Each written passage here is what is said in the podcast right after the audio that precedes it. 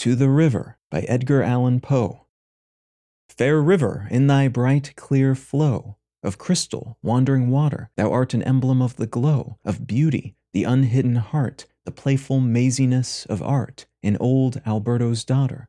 But when within thy wave she looks, which glistens then and trembles, Why then, the prettiest of brooks her worshipper resembles. For in his heart, as in thy stream, her image deeply lies, His heart which trembles at the beam of her soul searching eyes. To the River by Edgar Allan Poe.